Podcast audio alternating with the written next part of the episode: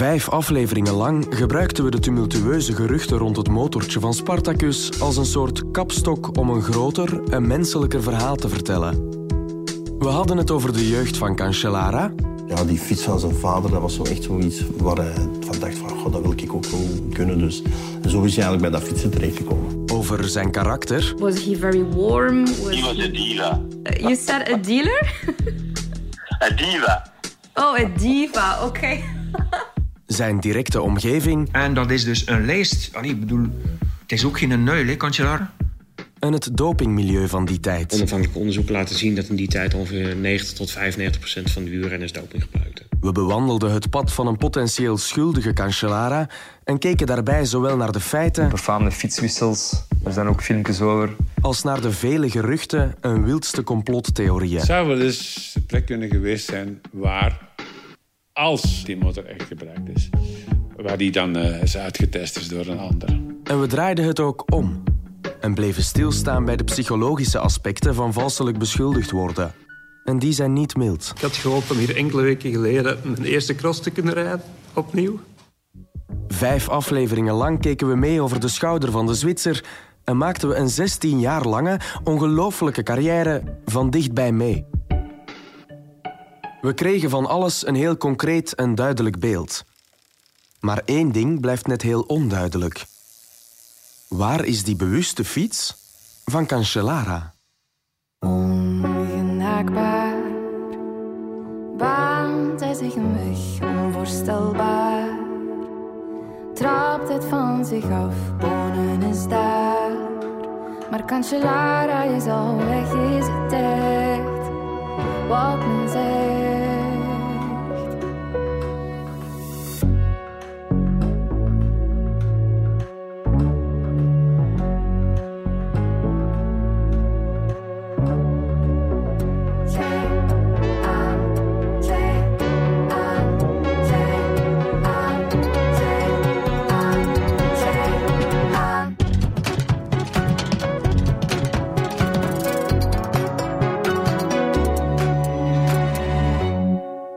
Aflevering 6. De eindmeet. We keren weer even terug naar 2018. Toen onze detectieve Perrault nog aan het hoofd van het onderzoek naar mechanische doping stond. In juli vertelt hij het volgende aan de Franse autoriteiten. Ik kan met 99% zekerheid zeggen dat er geen motortjes in het peloton verborgen zitten. Maar ook al stelt de UCI geen nieuwe gevallen van mechanische doping vast, toch worden de scans uitgebreid en geoptimaliseerd. Dat zegt ook Peter van den Abelen, directeur sport van de UCI. Zijn die echt in gang gezet door de speculaties dat er in de media en op café Ja. en dergelijke waren? Daardoor Ja. zijn jullie een beetje in actie geschoten. Ja, ja maar, maar hoe ga je zoiets gaan controleren natuurlijk? Hoe doe je zoiets? Zo evident niet ook. Hè? In het begin hadden wij dus ja, ons reglement moeten aanpassen dat er dus inderdaad iemand van de UCI kon gemachtigd worden om ja, met in die tijd nog sleutel uw bottom bracket eruit te halen en te kijken of er inderdaad bedrading aanwezig was. Hallo. Gelukkig is dat vroeger. Nu gaat het er wel anders aan toe. Ja, nu hebben we al drie verschillende methodes om het te gaan onderzoeken. Er is dus een, een eerste methode is gewoon een iPad. Die scant dus gewoon de buizen van, van de fiets. En dat geeft een signaal uit. Ja. Als daar al een signaal is van oh, één of iets verdacht, gaan we een stap verder. De volgende stap is dan ofwel hebben wij daar onze, onze trailer, dat is dus gewoon een RX-machine, waar dus de fiets wordt in geplaatst. Maar natuurlijk, we hebben nu nog een derde methode. Dat is eigenlijk een handheld RX-machine. Dat is eigenlijk maar zo groot of, of een basketbal eigenlijk, met twee handvatten eigenlijk. En dan kun je gewoon over die, eh, over die fiets gaan. ja. Dan kun je direct alles zien. eh. Ja, dat duurt eh één minuut. Duurt dat. Maar om echt helemaal zeker te zijn, blijft de oude methode toch nog altijd de meest betrouwbare. Als er nog twijfel is, maar dat moet bijna of nooit niet meer gebeuren, is gewoon nog de sleutel erop en alles eruit halen. Peter is er zelf rotsvast van overtuigd. Het is vandaag de dag echt al heel moeilijk om een motortje in je fiets te verstoppen. Apparaten die wij nu hebben, we kunnen echt niks, eh, niet door de mazen van het net glippen. Niet. Dat is echt niet mogelijk. Nee. Velen denken van ja, ze scannen enkel en alleen het frame, dus ze gaan de wielen niet mee scannen. Uiteraard gaan ze over die wielen ook. Maar de, de meeste mensen zien enkel ja, de vormgeving altijd van de kader. Maar dat is echt, dat zijn superklare beelden. Hè. Ik had er misschien zo wel een paar zitten. Uh. En dan tovert hij enkele recente scans op zijn telefoonscherm. Ah ja, oké. Okay. Dat is echt een röntgenfoto van ja, de fiets. Ja, een riksfoto. Dat is gewoon een röntgen. Daar zie je alles op. Ja, ja. Zie je alles op. Ja. En dat is ook zo, en de, ja, alles evolueert. Hè. De koers evolueert, uh, alles evolueert. Hè. Terwijl de UCI in 2018 de controles op mechanische doping optimaliseert en uitbreidt, viert Cancellara al het eenjarig bestaan van zijn nieuwe bedrijf Sete Sports. Een organisatie die zich focust op sport- en marketing-events. Maar of hij als bedrijfsleider verder kan met zijn leven zonder regelmatig herinnerd te worden aan de geruchten? Niet echt. Een subtiel dreigende wind vanuit de Kempen vliegt over de Zwitserse bergen heen en kletst Cancellara op de kaak. Tom Bonen reageert voor het eerst publiekelijk op de geruchten. Wanneer een journalist van de RTBF de viervoudig Roubaix-winnaar vraagt of hij gelooft in de geruchten, krijgt hij het volgende antwoord. Ja, ik heb mijn twijfels, maar het is niet aan mij om dat te zeggen. Ik eindigde als tweede en het is niet de persoon die tweede eindigt die moet zeggen dat de situatie niet normaal is. Het is heel moeilijk om het te bewijzen, want we hebben de fiets niet om hem te controleren. Het is te laat. Het blijft toch enorm jammer dat niemand van Team Quickstep deel wilde nemen aan deze podcast.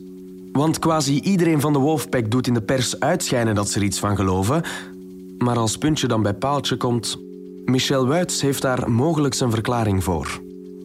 Tom Bonen grinnikt dan even en doet er het zwijgen toe. Wat mijns inziens de meest verstandige oplossing is. Omdat Bonen de waarde van Cancellara kent.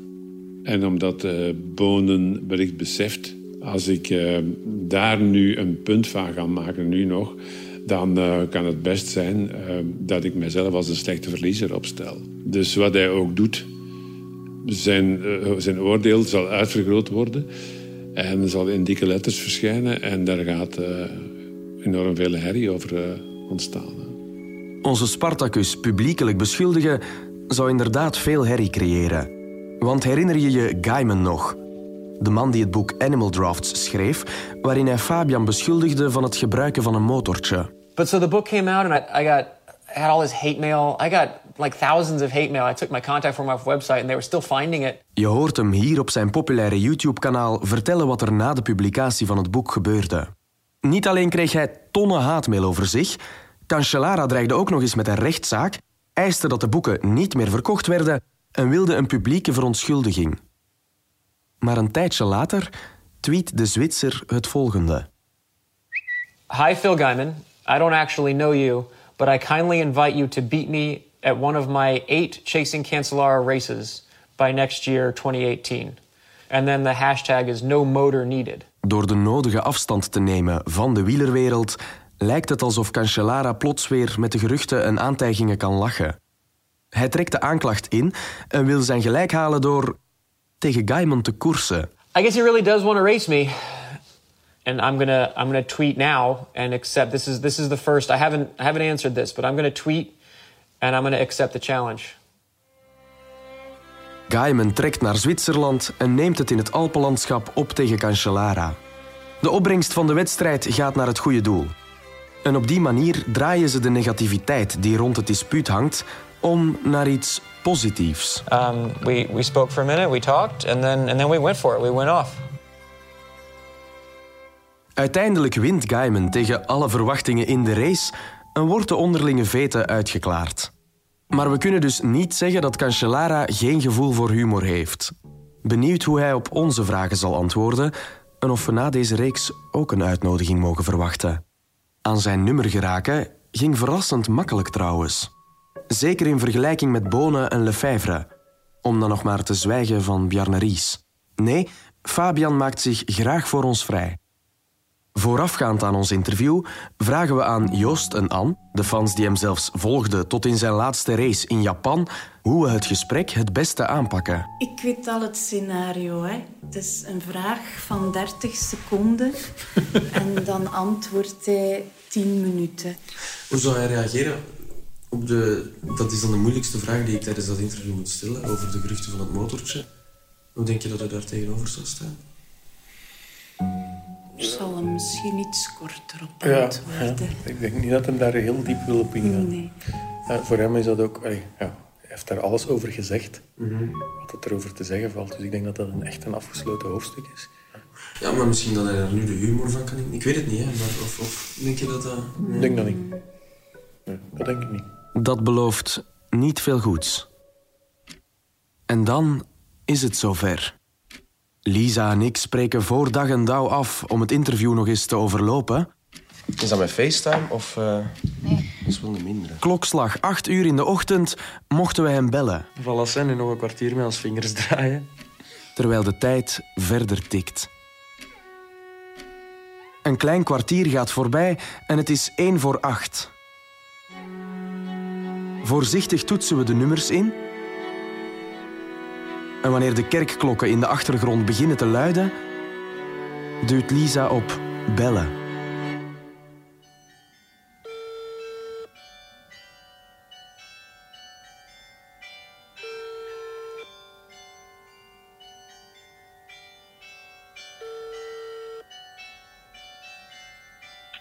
Yes.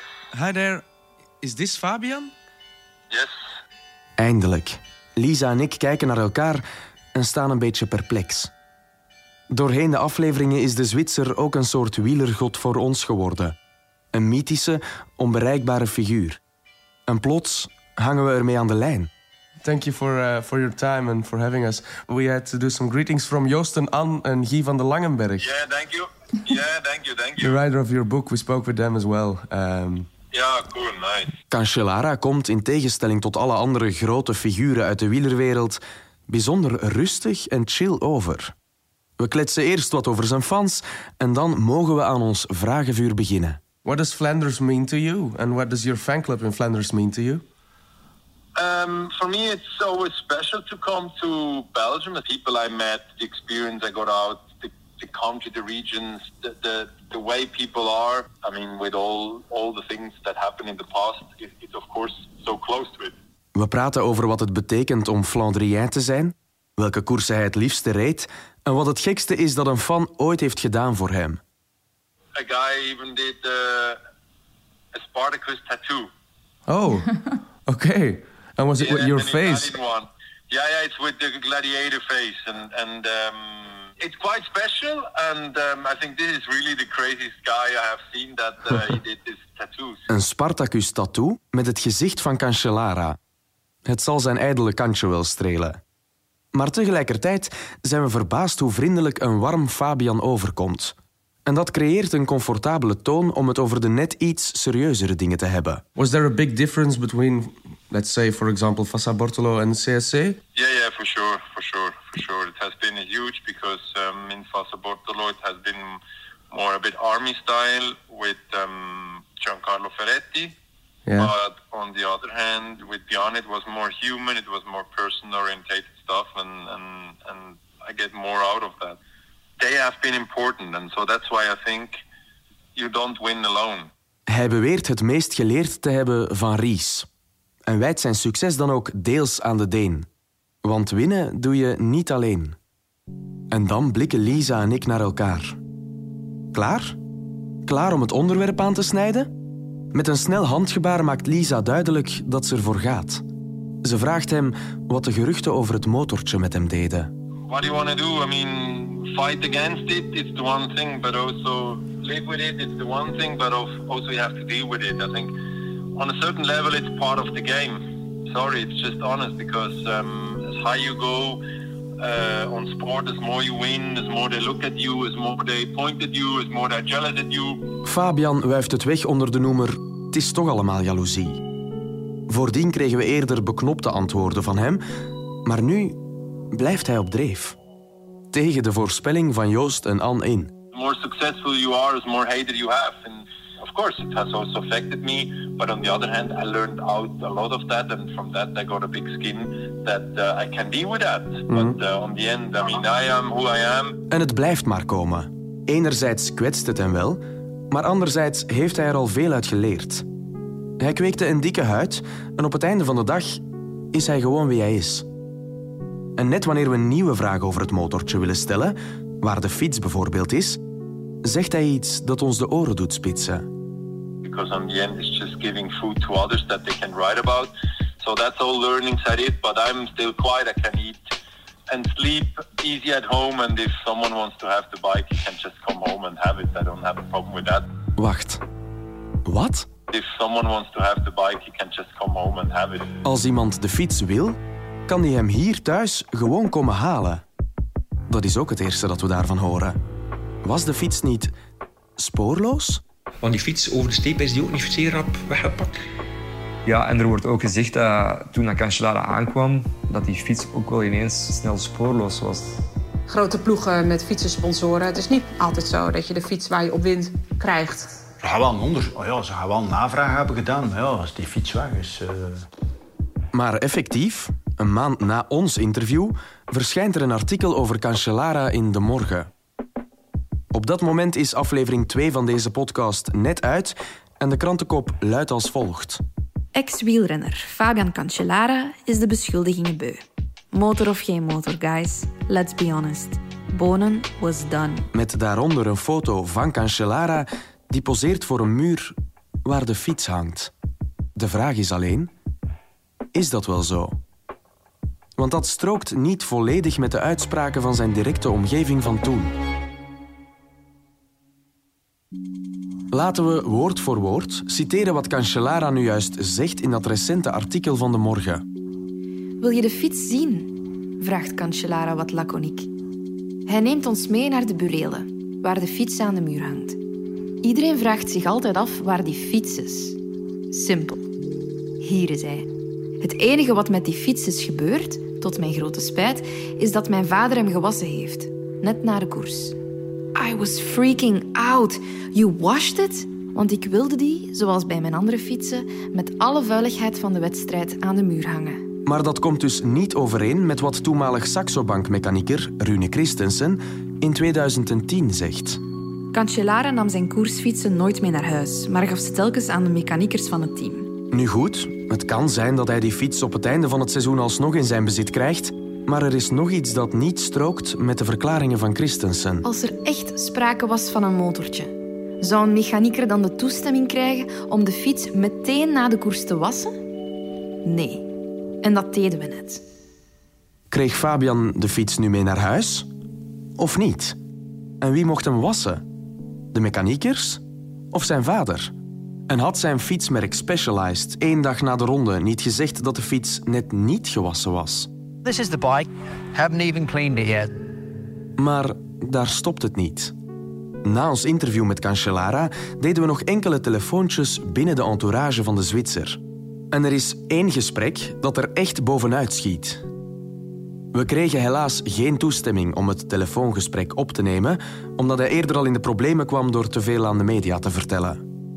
Maar de persoon in kwestie beweert dat de fiets niet bij Fabian staat, maar bij hem, in California.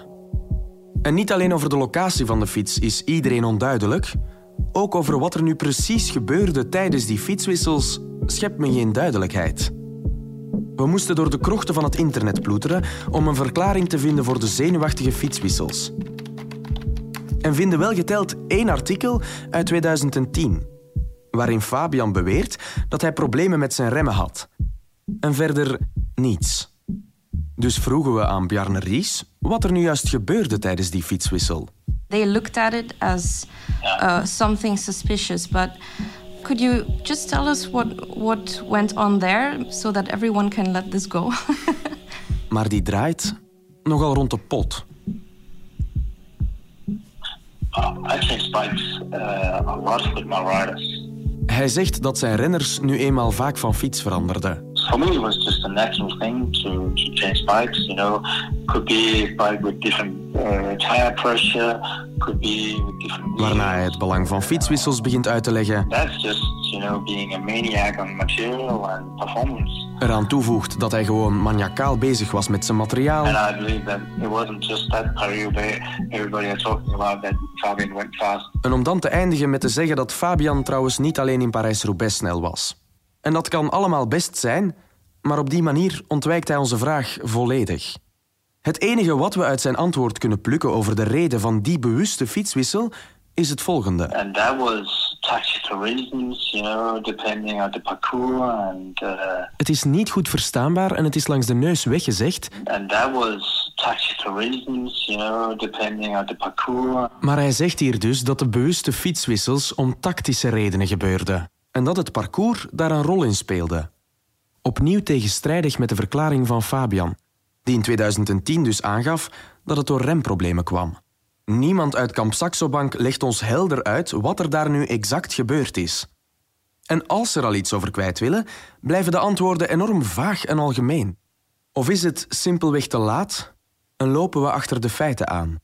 Want in de zuivere hypothese dat Cancellara met een motortje in de fiets reed, bestaat die fiets dan nog wel? In de veronderstelling dat het zo is, eh, dat daaraan gechipoteerd was. Hè? Maar daar moet je altijd van uitgaan. Hè? Ik blijf het herhalen. Hè? En die zekerheid die gaan we nooit hebben.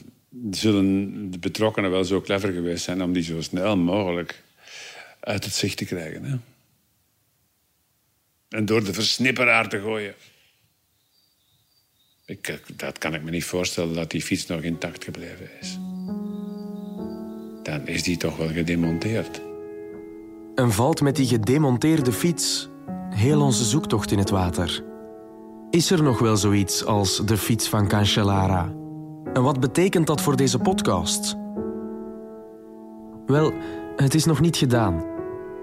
Want door deze podcast waait er 13 jaar na datum weer een nieuwe wind in deze verhitte discussie. En die wakkert het vuur steeds harder aan. Die verdwenen fiets stond nooit op een volgwagen. Die is nog aan de start, nog aan de aankomst geweest. En dat heb ik gezien. Terwijl de stemmen op het internet steeds luider De Wielerbond wist van deze praktijken. Ze pakte met Femke gewoon een kleine garnaal. en luider Valt het nu echt niemand op dat Cancellara telkens in de laatste 10 kilometer pas van fiets wisselde? Daar zou eens een grootschalig onderzoek naar gedaan moeten worden. en luider worden, Die een fiets heeft overnacht in een B&B in de Ardennen. Kamer gehuurd door Saxo Bank, ja. geraken we al snel weer helemaal verdwaald in tal van zijsporen. En het stopt niet bij die wilde theorieën op het internet. Ook onze mailbox puilt na verloop van tijd uit van nieuwe aanwijzingen. We zien door het bos amper de bomen nog. Maar nee, we geven niet op. We nemen de mails die ons het meest betrouwbaar lijken grondig onder de loep. Dag Achille en Lisa. Volgens mij is er sprake van een derde fiets. Bij het veelvuldig terugkijken van de koersbeelden zie ik dat de nieuwe fiets rode handlebars heeft en de eerste had zwarte. Zou het dan niet logischer zijn dat er een geprepareerde fiets klaar stond op het binnenwegje in Mater? De vraag is alleen, kan je daar ongezien een fiets wegzetten? Zoeken jullie dat uit? Frame na frame bekijken we de fietswissel en stellen we vast dat de tip klopt. Daar de wissel. Ja, Daar de daar de wissel. wissel. Zie je? Hier is het rood. En dan Op de, is het op de zwart. kant op. Yep. En dan is het weer rood. Er moet inderdaad een derde fiets geweest zijn. Maar dan moet die wel ergens verstopt hebben gestaan. En dus trekt Lisa naar de geheime binnenweg van Roger Thiel, terwijl de ronde volop aan de gang is. Ik sta hier momenteel eh, aan het punt waar Fabian Cancellara zijn fiets aan Roger Thiel geeft. En eh, hier zijn nog heel veel mensen. Hier staat nog eh, veel politie. En ik ga beginnen wandelen nu. En wat blijkt? Hier kan je absoluut iets verbergen. Je kan hier iets tussen de struiken steken. Je kan hier compleet ongezien passeren. Daar ben ik tamelijk van overtuigd. Ja. Het is perfect mogelijk om in dat binnenwegje een fiets met een motortje te verbergen. Maar echte bewijzen vinden we hier 13 jaar na datum niet meer terug. En we blijven maar theorieën toegestuurd krijgen. Zelfs uit Italië, Allora, Cancellara sono stato presentato da un meccanico della... van een Italiaanse ingenieur die beweert dat de Zwitser geen motortje nodig had, want dat hij gebruik maakte van een revolutionair trapsysteem genaamd Gold Race. De ingenieur ontwikkelde dat trapsysteem en zegt dat hij aan de basis lag van het succes van Fabian. Mm, la bicicletta. En dat is wederom goed mogelijk, maar het sluit ook niet uit dat er in Fabians fiets een motortje kon zitten. De mails blijven maar binnenstromen. En na verloop van tijd krijgen we zelfs tips uit de quickstep-kringen. En ik ben bevriend doordat ik fietser ben, amateur. Met een uh, zo'n beetje elite-equipe, met, met zakenmensen.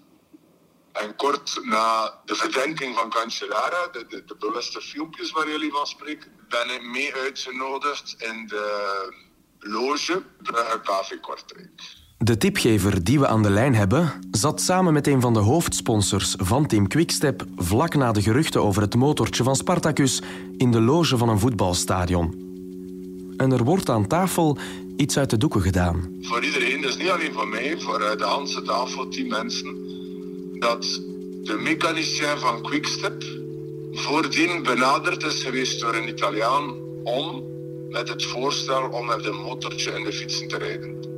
Quickstep ging volgens onze tipgever niet op het voorstel in, maar wist op die manier wel dat het goed mogelijk was dat Spartacus hetzelfde aanbod had gekregen. Dan is voor mij natuurlijk als sportman uh, de grote vraag: waarom doet Quickstep daar niets mee?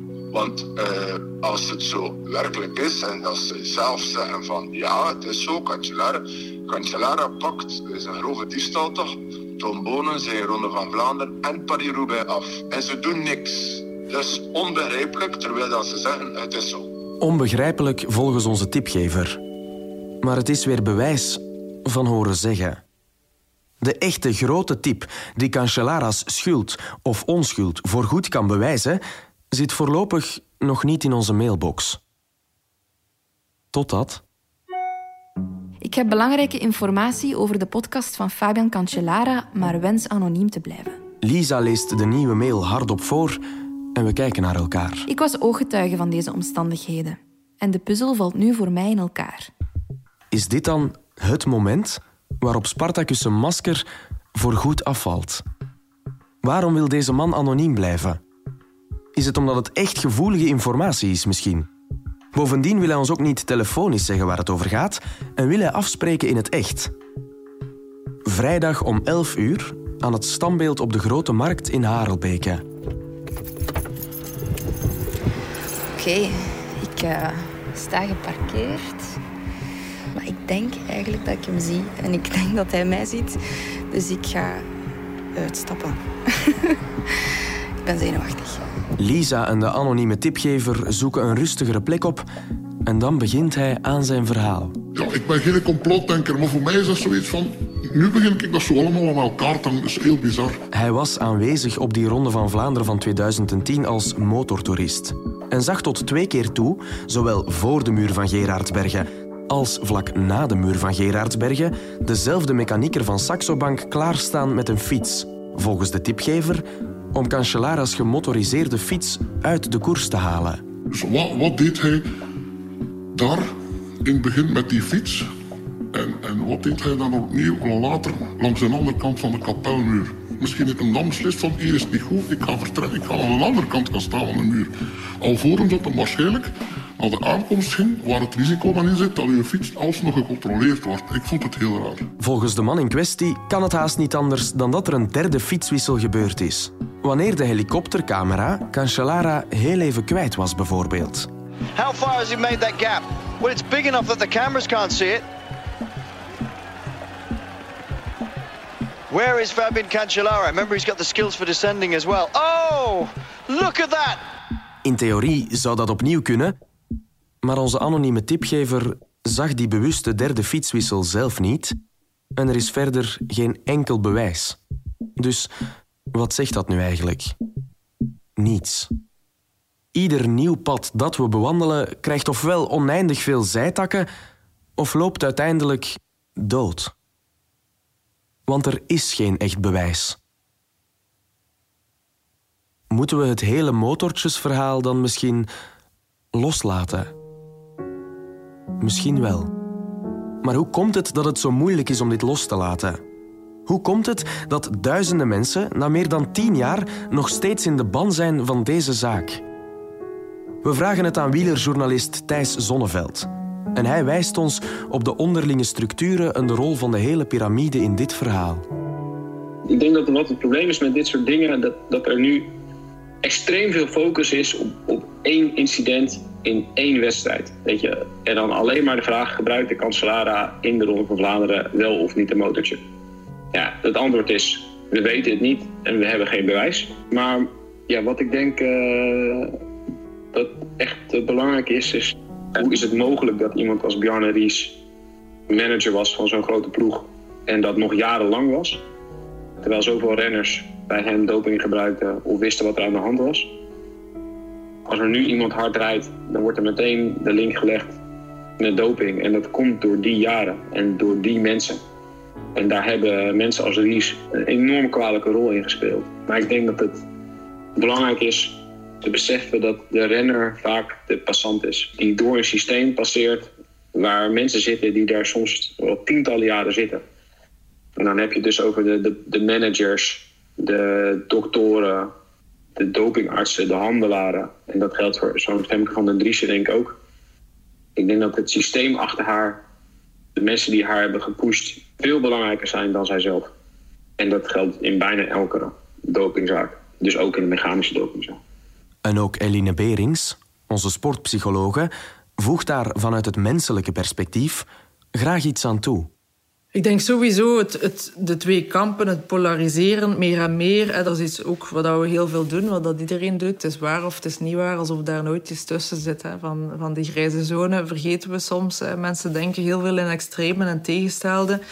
Van ja, dus mensen hebben het er heel moeilijk mee als zo'n bijna ideale persoon van zijn sokkel valt. Hè. Het, beeld van die persoon die zij kennen en het charisma dat er vaak bij komt ja, dan kan dat niet waar zijn dat zo'n persoon, zo'n fantastische Cancellara, toprenner, toppersoon, dat die zou vervallen in iets dat daar niet in past. En dat is heel moeilijk psychologisch voor mensen om te zien dat ook de ideale persoon kanten heeft die misschien niet zo ideaal zijn. Maar die vergeten we dan heel vaak. Hè. En dat dat ook gewoon perfect samengaat. Dat je daarom niet moet daar een, een verschrikkelijke mens van moet maken. Van dat er niks goed meer aan is. Cancellara blijft een toprenner. Of die nu wel of niet die dag met een motorkens en zijn fiets heeft gezeten, dat blijft wel een toprenner en een interessante persoonlijkheid om te volgen, waar heel veel mensen heel veel plezier aan beleefd hebben. Ja, dan komen we elkaar in het midden tegemoet. Hè.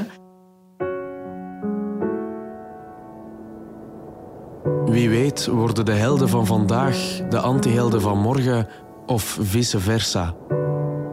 En komen er over de meest recente editie van de Ronde van Vlaanderen nieuwe verhalen naar boven nieuwe mythes waar leven in geblazen wordt. Die nadien tussen pot en pint uitvoerig besproken worden in Vlaamse cafés. Al zal men ook nog lang blijven vertellen over de mythe van het motortje van Spartacus. En zullen er ongetwijfeld weer nieuwe geruchten en theorieën naar boven komen. Je kan zo nog wel een tijdje doorgaan. Hè? Je kan honderden één elementen uh, bij elkaar gaan uh, scharrelen, pro en contra. Ik weet in elk geval dat er binnen uh, de grote kring van uh, wielerliefhebbers veel mensen zijn die naar de waarheid trachten. Dat is ons toen overkomen. En als die waarheid is dat Cancellara wel degelijk met een motortje reed, dan zal er al iemand uit de biecht moeten klappen vooraleer het uitkomt. De humorist, ik, ik heb het niet over Cancellara, maar het humoristische type die zal dan uiteindelijk in het zicht van zijn negentigste zeggen van... toen hebben ze toch allemaal bij een pitje gehad. Maar uh, de man die nog altijd leeft op de vroegere eer... die zal zeggen van toegeven over mijn lijk.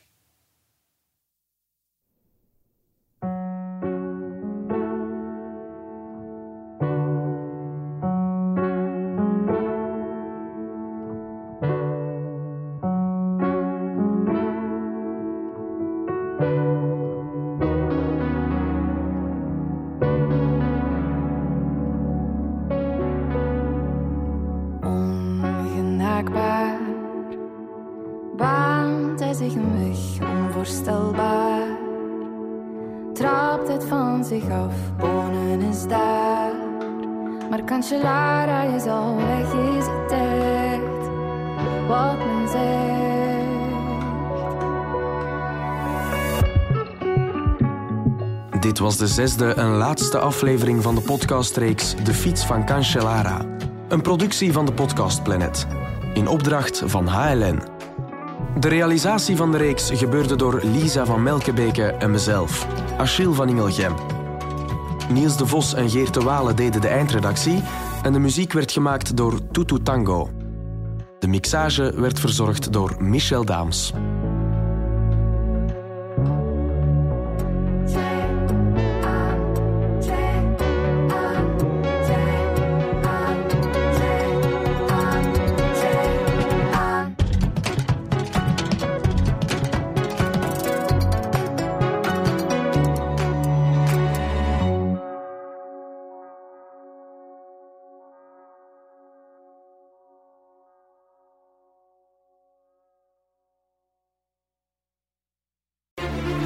Volgens jou de revelatie van het EK?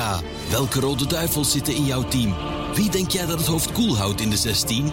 Leef je voor het voetbal of stel jij je team samen met kop of munt? Ieder zijn gouden team. Liefhebber of kenner, iedereen speelt mee. Stel nu je gouden team samen op goudenek.be en maak kans op fantastische prijzen. Het Gouden EK, een spel van het laatste nieuws.